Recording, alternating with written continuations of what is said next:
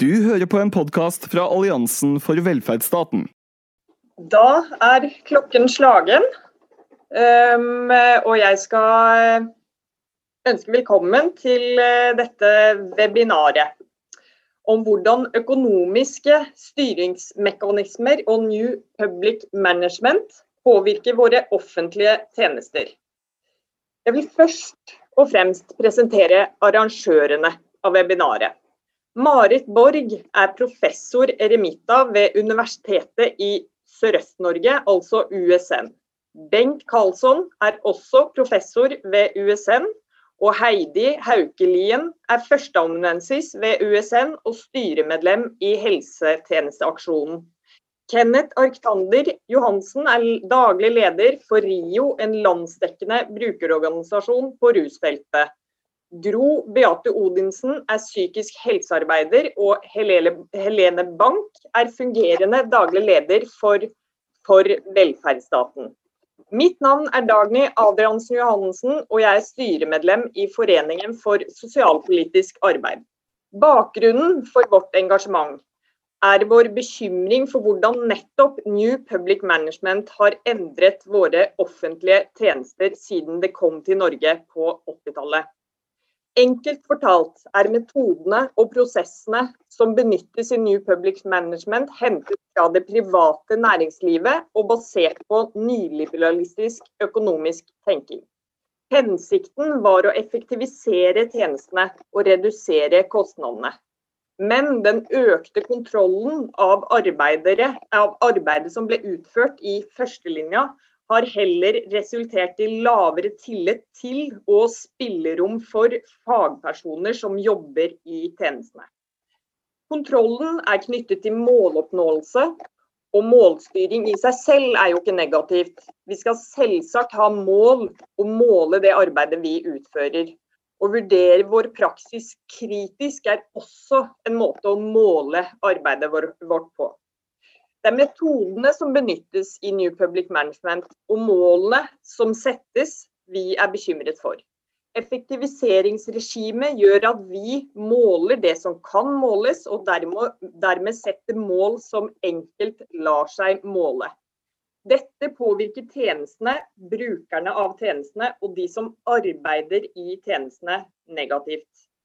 Innleggene i webinaret er derfor delt opp i disse fokusområdene. Da har vi kommet til vårt eh, tredje panel, eh, som lyder som følger. New Public Management har over mange år gitt negative konsekvenser både for brukere og pasienter, familier og for alle fagfolkene som skal tilby tjenester i offentlig sektor. Gi oss tilliten tilbake og ressurser til å fungere for fellesskapet. Og Første innleder ut er eh, en holdt på å si gammel venninne, men eh, jeg har kjent, kjent hverandre en stund i hvert fall. Eh, forbundsleder i Fellesorganisasjonen, FO, Mimmi Kvisvik. Og hennes innledning heter 'Når det som er viktig ikke kan måles, blir det som kan måles viktig'. Så the floor is yours, Mimmi. Tusen, tusen takk, eh, Kenneth. Eh, det var jo litt brått for meg at jeg skulle være her i dag. Jeg er da, som dere eh, skjønner, ikke Marianne Solberg, men jeg er vikar for henne. FOs medlemmer det er jo barnevernspedagoger, sosionomer, vernepleiere og velferdsvitere.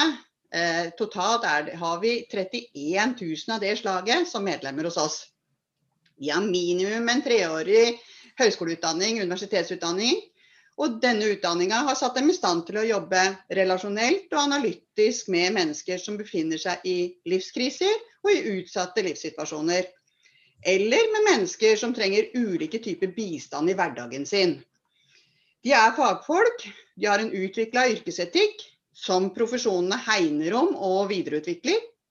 De holder seg faglig oppdatert, de tar videreutdanninger, de legger seg i sela hver eneste dag for å skape et best mulig møte mellom hjelper og bruker. Så er situasjonen den at de møtes av et system hvor denne fagligheten i større og større grad har blitt underlagt stadig mer og mer detaljert og nitidige regler i form av prosedyrer, målinger og rapporteringer. Det betyr, eller det gir som konsekvens, punkt 1, Man blir lett mer opptatt av å ha gjort alt riktig enn å gjøre det som er riktig. Punkt to. Motivasjon kan glippe, både hos fagperson og bruker. Og punkt tre. Når det som er viktig, ikke kan måles. For det som kan måles, viktig. Første punkt én. Det blir fokus og tilnærma redsel for å glemme av det som skal gjøres. Uh, ifølge retningslinjer, prosedyrer og sjekklister. Der ligger hele fokuset. Det som er, blir viktigere, er jo at journalen er eh, bra, enn at pasienten blir bra. Man blir så redd for å gjøre noen feil at det er lettest å gjøre kanskje minst mulig, så lenge det ikke står i en retningslinje, ei sjekkliste eller en prosedyre. Punkt to, dere. Motivasjon kan glippe både hos fagperson og bruker. Brukerne vil jo gjerne ha hjelp raskt. De har ofte tatt en bestemmelse om at livet deres eh, må endres, eller noe i livet deres må i hvert fall endres. Når de så møter hjelpeapparatet, opplever de at det er mye som er fastlåst, og det er det som skal gjøres. Det er så mange skjemaer og sjekklister, og det tar tid før man kommer i gang. Konsekvensen da er jo at motivasjonen svikter, og at brukerne blir oppfatta som vanskelige og umotiverte. Og dette ser vi kanskje spesielt og er ekstra problematisk knytta til rus og psykisk helse. Punkt nummer tre. Når det som er viktig ikke kan måles, blir det som kan måles, det viktige. Det blir fokus på det som kan måles. Det blir fokus på medisiner, undersøkelser, epikriser, ting gjort til riktig tid. Det som ikke så lett kan måles, men som er kjernen i det sosialfaglige og det sosialpedagogiske arbeidet blir ikke prioritert. Det er temaer som økonomi, fattigdom, gjeld, ensomhet, husvære, relasjoner, nettverk, aktivitet, omsorg, tilhørighet med mer. Det handler om selve livet. Så det egentlige faget vårt er selve livet. Og det er fag som ikke har så veldig gode tider for tida. Tidsånden som er preget av målbarhet, passer ikke helt med sosialfaget, det sosialpedagogiske grunnlaget. Så dere, hvordan skal vi komme oss ut av denne situasjonen? For folk vil jo fortsette å leve livene sine. For det første, vi må først og fremst innse at velferdstjenestene ikke er som hvilke som helst andre tjenester. Velferdstjenester er komplekse, krever betydelig innslag av skjønn og kompetanse, og de må tilpasses individuelt. Det er tjenester som dekker grunnleggende individuelle behov, ofte for sårbare brukere. Det betyr ikke at styringsmodeller som er utvikla for bedrifter som opererer innenfor et marked, kan brukes i offentlig sektor, kan brukes i velferdstjenestene våre. De kan ikke brukes. Nå har vi for så vidt prøvd det i 20 år, i hvert fall i 20 år, gjennom New Public Management. NPM blir ikke bedre om vi forkorter det. Det fungerer ikke. For det andre, vi må ta tilbake fagligheten. Og det må vi gjøre i hele hierarkiet. Vi trenger ledere som kan det fagfeltet de er satt til å lede. Det er ikke bra når det blir ansatt ledere innenfor barnevernstjenester som ikke kan barnevern. Eller når ledere for kommunale Nav-kontor ikke har hørt om eller har erfaring eh, på eller bakgrunn fra, fra sosialfaglig arbeid. Da vil det lett bli det som kan måles, som blir det viktige. For det tredje, vi må styrke brukermedvirkninga. Eh, selv om jeg helt klart er enig med Brun-Willer i at eh, kanskje det ikke skal hete brukermedvirkning Kanskje det skulle hete innbyggermedvirkning. Vi må skape tillit og dialog med brukerne, med hjelpeapparatet og med politikerne. Og da tenker ikke jeg på sånn obligatorisk sjekklistebrukermedvirkning. Jeg tenker på reell brukermedvirkning. Det skal fortsatt være folk folke, folkevalgte som styrer grunnlaget for offentlig sektors arbeid og prioriteringer. Og de folke, folkevalgte skal sette de overordna målene for, et, for, at offentlig sektor skal løse samfunnsoppdraget sitt, samfunnsmandatet sitt. Men innbyggerne må ha innflytelse på tjenestene. Både gjennom det demokratiske systemet, gjennom en god dialog i utformingen av tjenestene, og i ikke minst egen sak. Og la oss ikke kalle det sak heller, kalle ens eget faktisk talt liv. For det fjerde, vi må skape en kultur for læring. I all tjenesteutøvelse vil det bli begått feil. Målsettingen må være å lære av de feilene, og ikke plassere skyld og skam hos den enkelte ansatte. Vi må derfor rigge systemer hvor kontinuerlig utviklingsarbeid settes i høysetet. Og dere får det femte, og nå er det straks inn for landing her. Vi må ha riktig kompetanse på riktig sted. Hvis tjenestene skal styres gjennom tillit og faglighet, og ikke gjennom måling og veiing, må medarbeiderne ha den kompetansen som er nødvendig for å løse samfunnsoppdraget. Det betyr at systemer for rekruttering, kompetanseutvikling og kompetanseheving er helt nødvendig. Disse fem punktene er noen av elementene i det vi kan kalle tillitsmodellen. Det finnes også andre byggesteiner i en sånn modell.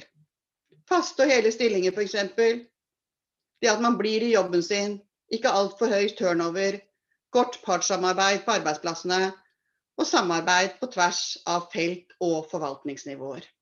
Sånn at vi skaper et helhetlig tilbud. Og helt, helt til slutt. Det skal fortsatt være folkevalgte som styrer grunnlaget for offentlig sektors arbeid og prioriteringer. Og de folkevalgte politikerne skal sette de overordna måla for offentlig sektor og bestemme mandatet. Og sikre samfunnsoppdraget. Men offentlig sektor må fortsatt styres og kontrolleres. Men i stedet for systemer som kontrollerer enkeltansatte og deres produktivitet, ønsker vi kontroll med samfunnsoppdraget, med samfunnsmandatet. Og kontrollen må handle om blir det løst på en god måte. Er det sånn at vi innfrir formåla i lovverket vårt, eller innfrir vi bare delparagrafer? Det er det tillitsreform og tillitsmodell handler om. Og det er det tillitsmodell skal oppnå. Men vi har en lang ferd ennå for å konkretisere hva denne tillitsmodellen er, sånn at uh, vi ikke risikerer at det blir et uh, filosofisk verksted eller en form for mageplask. Det har vi ikke råd til på vegne av innbyggerne våre. Så takk så langt. Tusen takk, eh, tusen takk for det, Mimmi, og, og beklager eh, eh, avbrytelsen min, eller vår, holdt jeg på å si. Det er Én glipp må være lov eh, i løpet av dagen. Jeg, jeg syns jeg klarte meg så bra. altså Litt feil må man gjøre, da. Eh, veldig fint og interessant det du sier, da, at man blir opptatt av å måle det som lar seg måle. Det er jo noe som på en måte går igjen da, fremfor det som er viktig. og det og at det komplekse livet ikke sant? det får man ikke nødvendigvis plassert inn i et standardisert skjema. Så virker det på meg som en sånn merkelig oppfattelse at hvis vi bare passer på å rette opp i alt som er feil, så blir ting så jævla riktig. Eh, jeg har ikke eh, inntrykk av at det, det nødvendigvis er, eh, er, helt sånn det fungerer. Og da er Neste innleder er Kai Øyvind Brenden, som er nestleder i Norsk Sykepleierforbund. Og tittelen hans er 'Et helsevesen midt mellom ytterpunktene'. Da er ordet ditt, Kai Øyvind. Eh, takk for invitasjonen og muligheten til å formidle noen ord om Norsk Sykepleierforbunds vurdering av New Public Management og hvilke alternativer vi tenker er aktuelle. Når jeg forberedte meg til dette innlegget, så fikk jeg jo virkelig frisket opp kunnskapen om hva New Public Management er, eller rettere sagt hvor vanskelig det er å finne en helt tydelig definisjon på hva det er. Jeg vil derfor ta utgangspunkt i det som beskrives som noen sentrale kjennetegn, uh, før jeg vil vise at uh, offentlig sektor, eller i hvert fall for min del helsetjenesten, enten ikke forholder seg til forutsetningene for organiseringen og styringen i modellen, eller at prinsippene ikke er tilpasset helsetjenesten.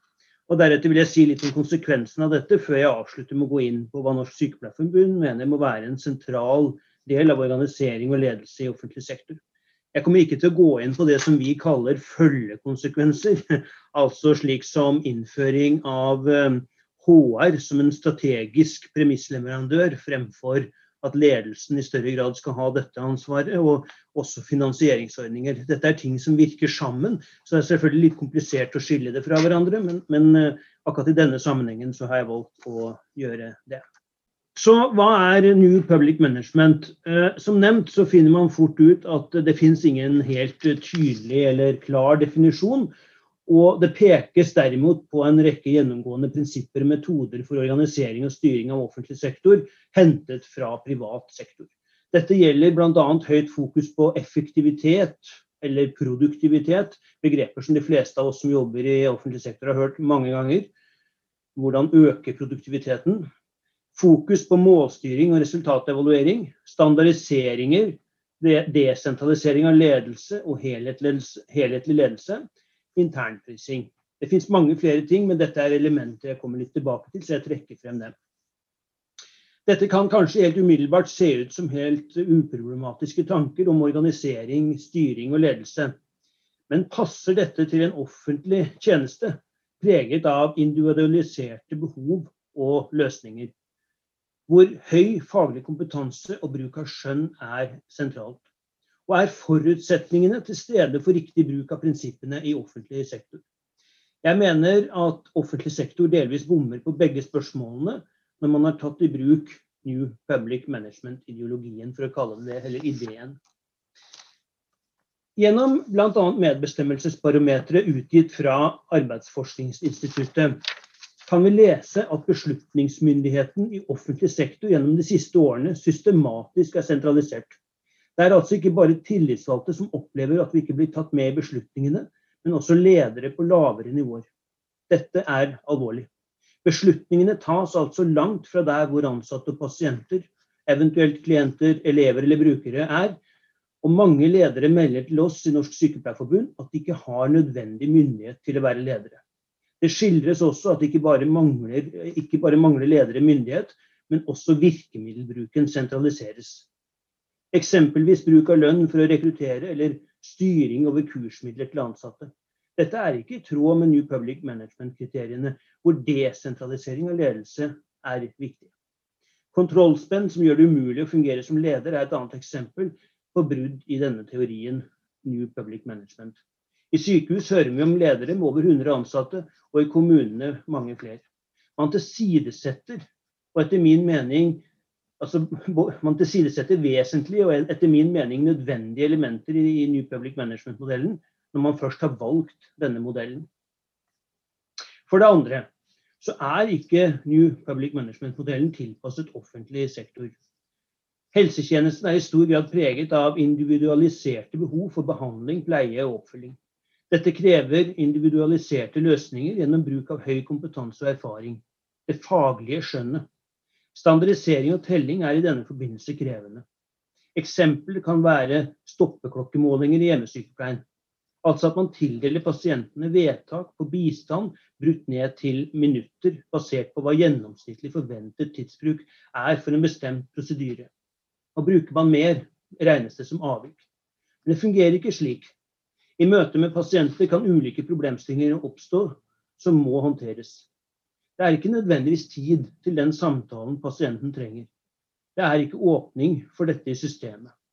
Kvalitet på og effekt av tjenestene må være målet, og ikke tidsbruken alene. Et annet eksempel på standarder er bemanning.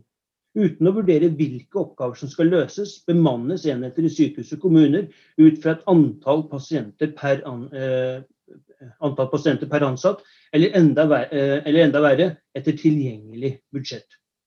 Dette fører til at man gjennomgående i helsetjenesten sliter med høyt arbeidspress.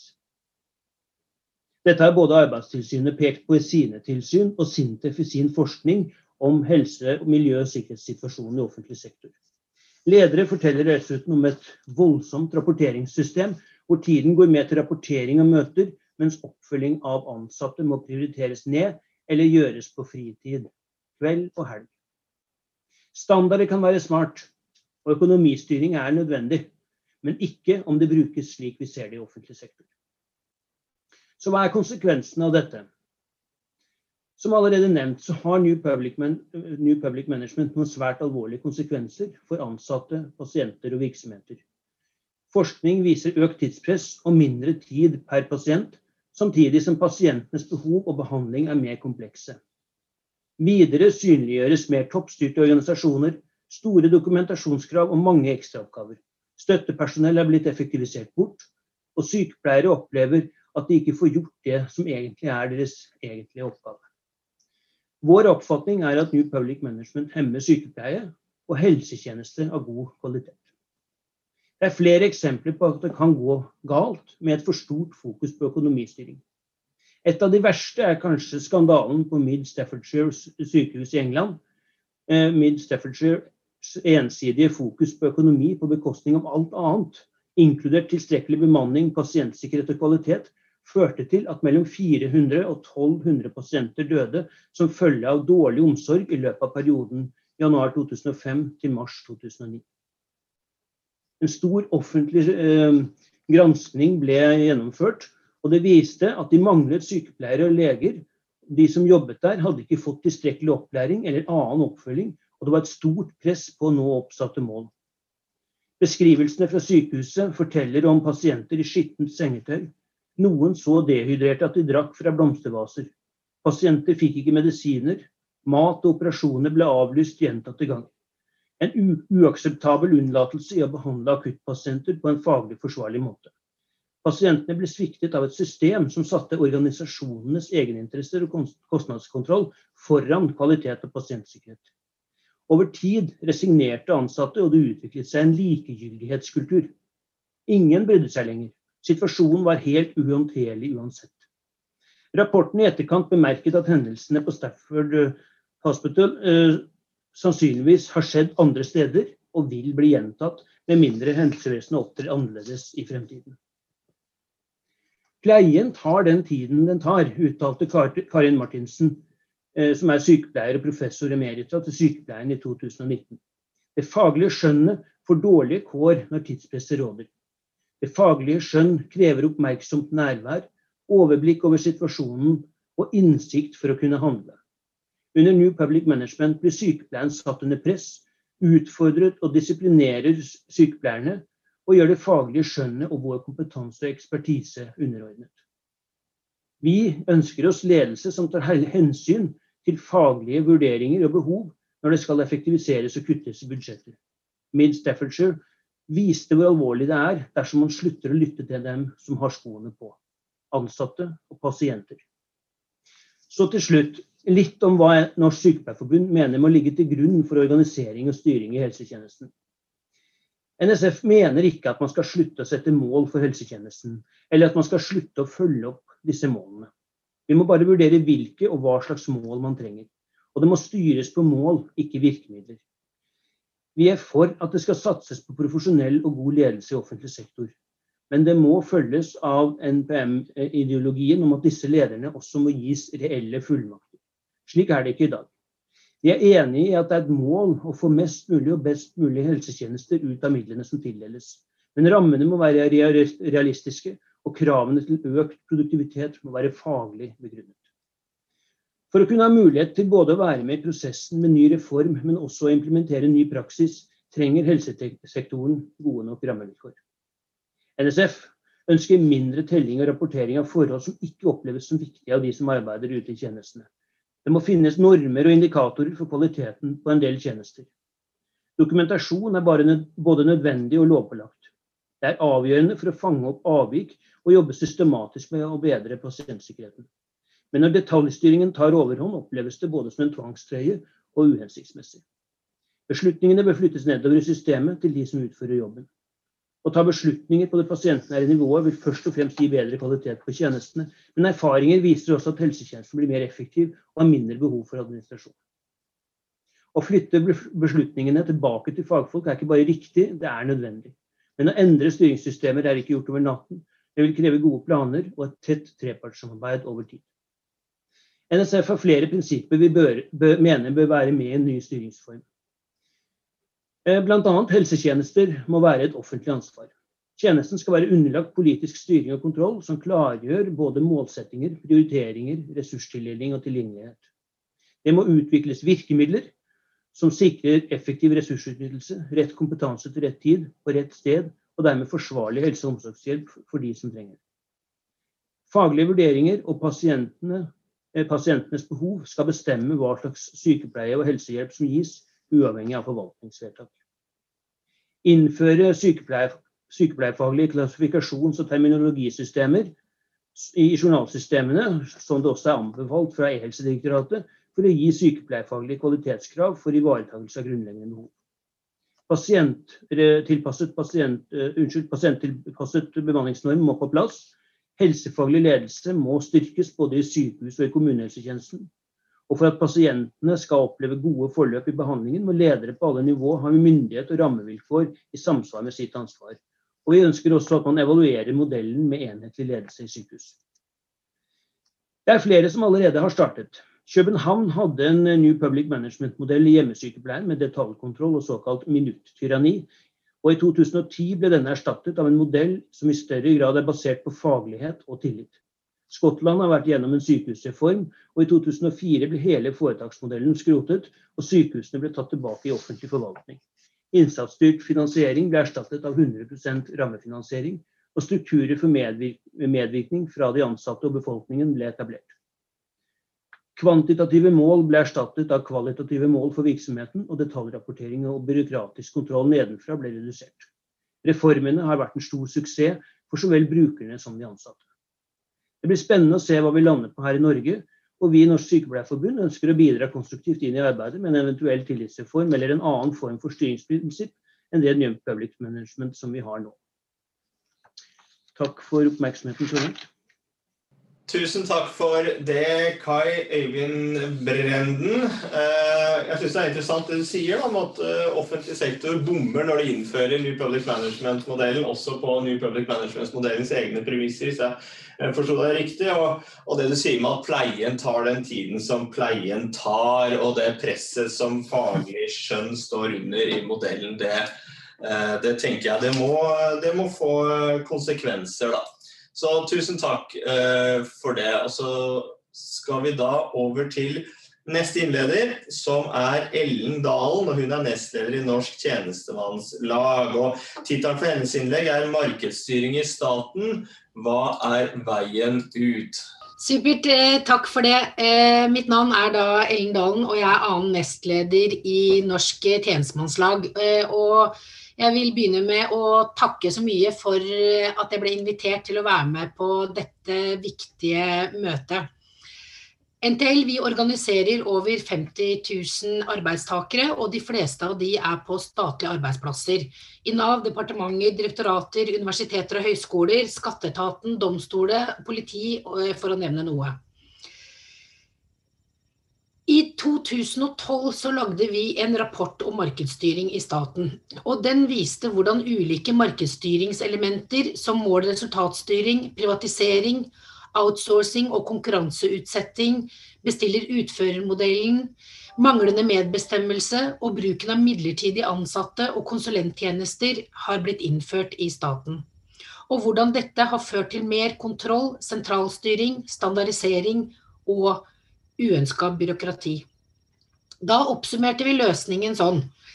Gjennom å vektlegge tillit, rettssikkerhet, effektivitet, samarbeid, kvalitet og demokrati, altså det som kjennetegner den norske modellen, legges forholdene bedre til rette for å skape kvalitet i offentlig sektor til samfunnets og velferdsstatens beste. Og når jeg starter med å referere til et arbeid som ligger ganske langt tilbake i tid, så er det for å vise at problembeskrivelsene og analysene har ligget på bordet lenge. Men nå har erfaringene blitt flere, de favner breiere, og det er blitt mer synlig for både det breie lag av ansatte, politikere og dessverre også for innbyggerne.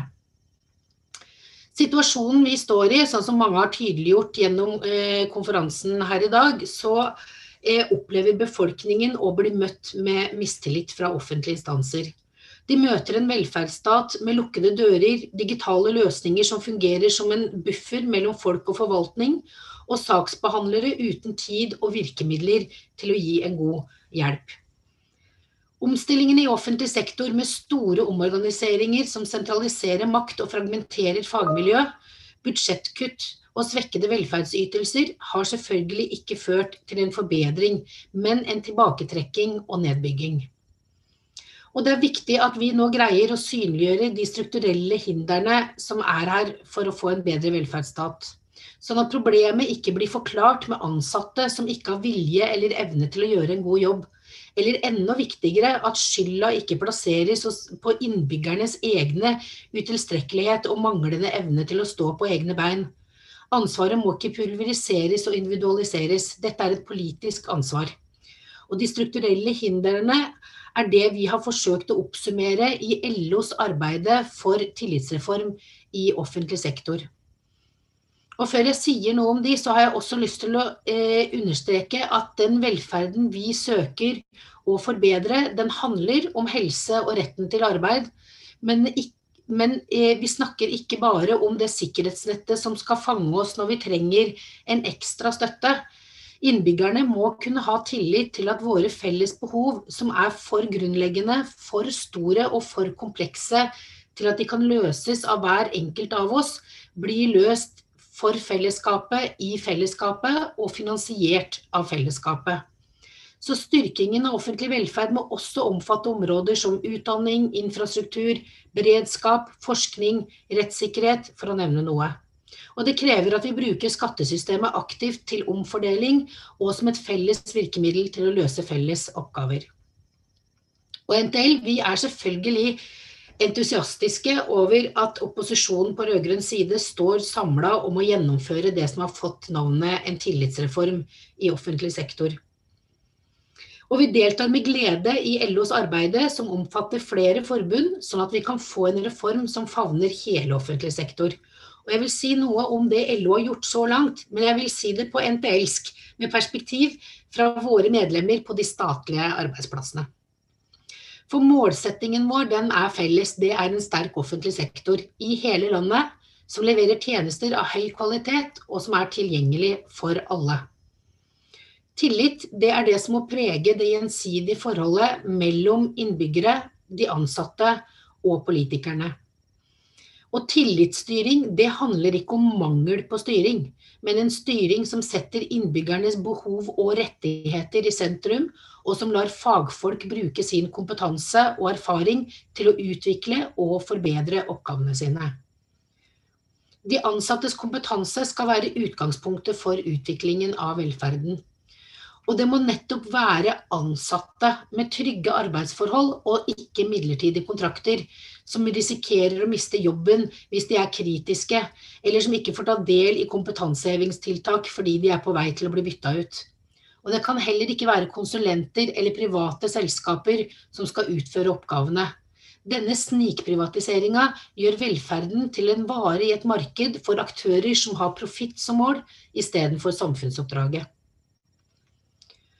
Medvirkning og medbestemmelse er fundamentet i den norske modellen, og dette er regulert i avtaleverket vårt. Statens hovedavtale sier at formålet er å utvikle samarbeidet sånn at det kan bidra til en fleksibel og brukervennlig tjenesteyting med et godt arbeidsmiljø, god ledelse, bedre resultatoppnåelse og et godt forhold til innbyggerne. Medbestemmelse skal gi arbeidstakerne reell innflytelse på hvordan deres arbeidsplass skal organiseres, og hvordan arbeidsmetodene skal utvikles. Og medbestemmelsen skal skje slik at forvaltningen gjennomfører de politiske myndigheters beslutninger, samtidig som arbeidstakerne får reell medbestemmelse i forhold som har med arbeidssituasjonen å gjøre. Her er altså de grunnleggende demokratiske prinsippene nedfelt, og en enighet mellom arbeidsgiver og arbeidstaker om at de ansattes interesser og kompetanse er grunnlaget for gode beslutninger. Og det er også en anerkjennelse at dette skal foregå innenfor rammene av politiske vedtak. Og medbestemmelse det er ikke et uttrykk for mindre tillit til lederne. Tvert imot. AFIs undersøkelse eh, som blir synliggjort i medbestemmelsesbarometeret, viser at på de stedene det er mye medbestemmelse, er det også høyest tillit til ledernes faglige vurderinger. Så Hovedavtalen den er i hovedsak god, men vi trenger en bedre praktisering av den. Og vi trenger en bedre skolering av ledelsen i den. Og det er ingen politisk motsetning mellom tillit og politisk styring, som flere allerede har vært inne på. Tvert imot er det en enorm motsetning mellom tillit og markedsstyring. Mål- og resultatstyringa har gitt oss en kobling mellom finansiering og målbare oppgaver på en måte som i stor grad påvirker aktiviteten på arbeidsplassen og overstyrer faglige vurderinger. Det viktigste strukturelle grepet som må foretas for å få en reell tillitsreform, det er å endre disse eh, systemene. De står i veien for reell medbestemmelse, de står i veien for reell eh, medvirkning fra fagfolk, de ansatte og deres lederes muligheter til å prioritere og forbedre oppgavene de mener er viktig for at virksomheten skal få nå det overordna, komplekse og sammensatte samfunnsoppdraget.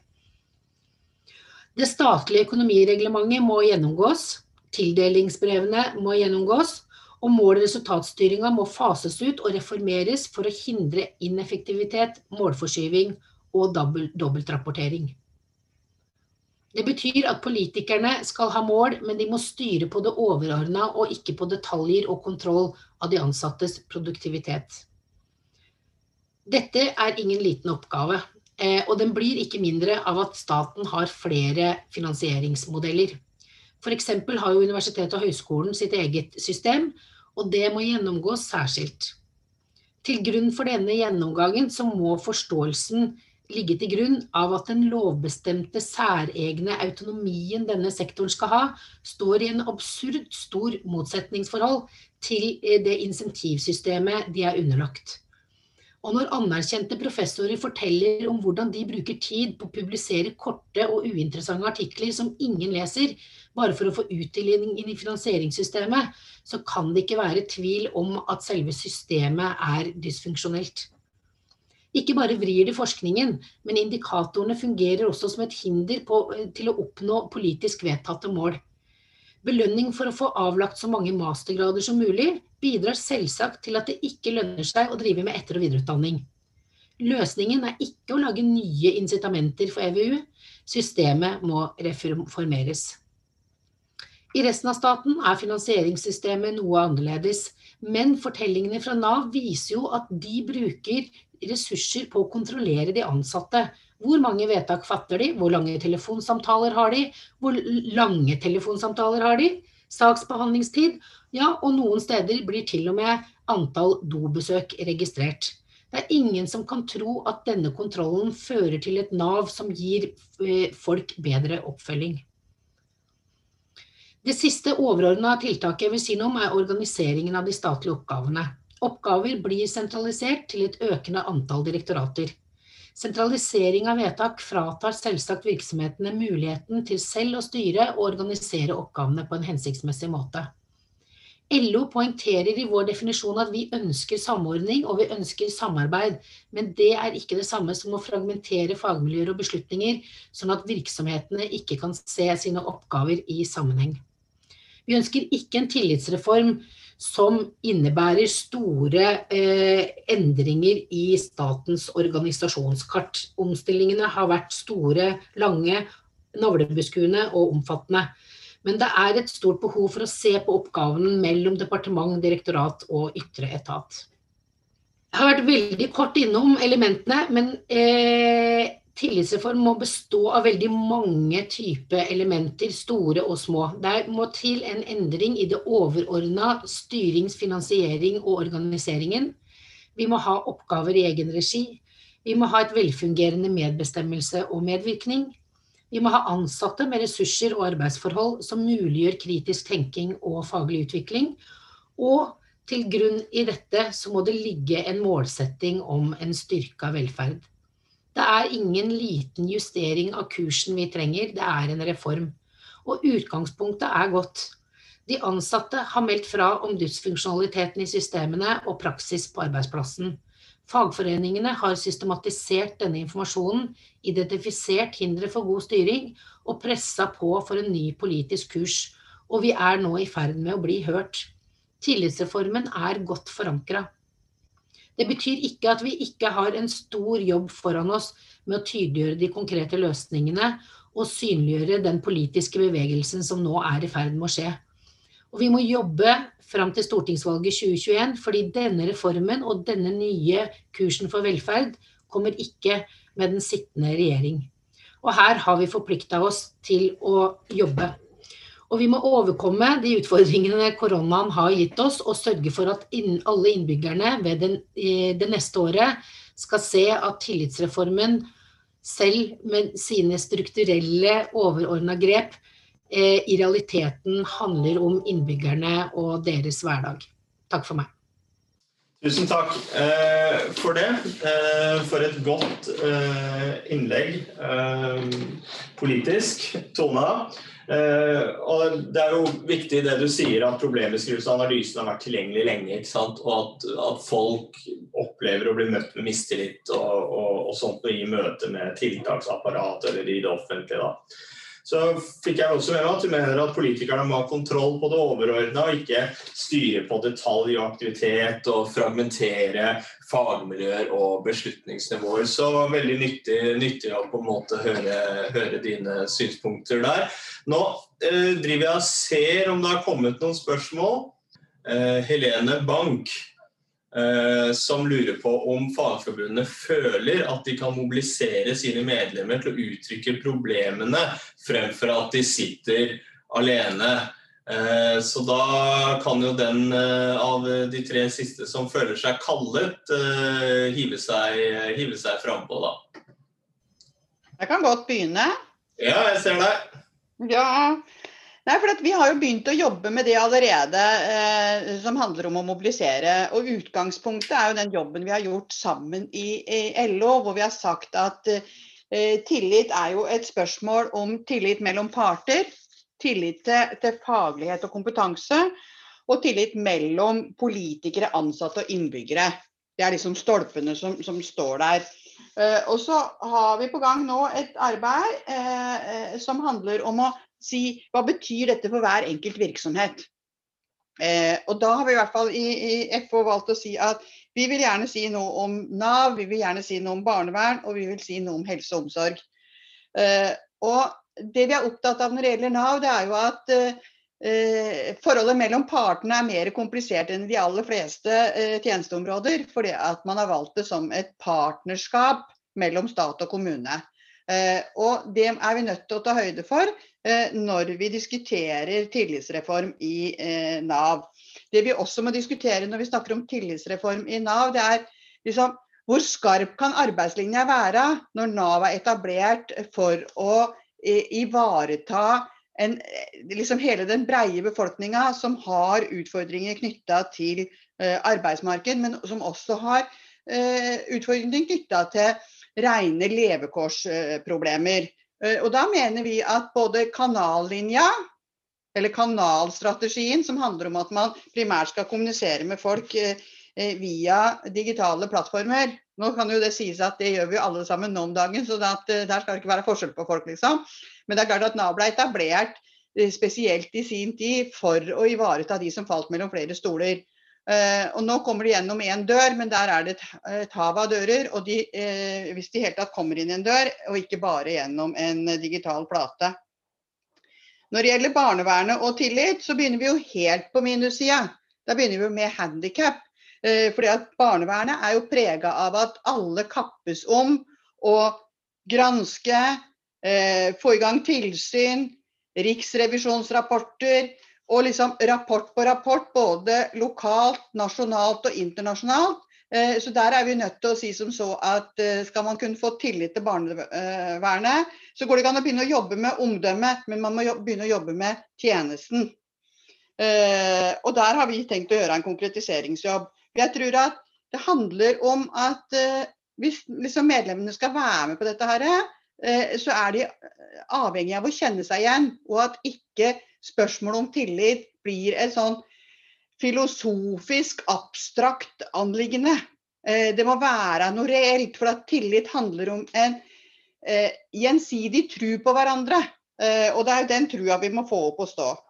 Og så er Et eksempel til som vi kommer til å jobbe med, og det er helse- og omsorgstjenesten. Og spesielt knytta til mennesker med utviklingshemming. og Der kommer vi nok til å gå inn i kjernen av dette her med tillit til faglighet og kompetanse.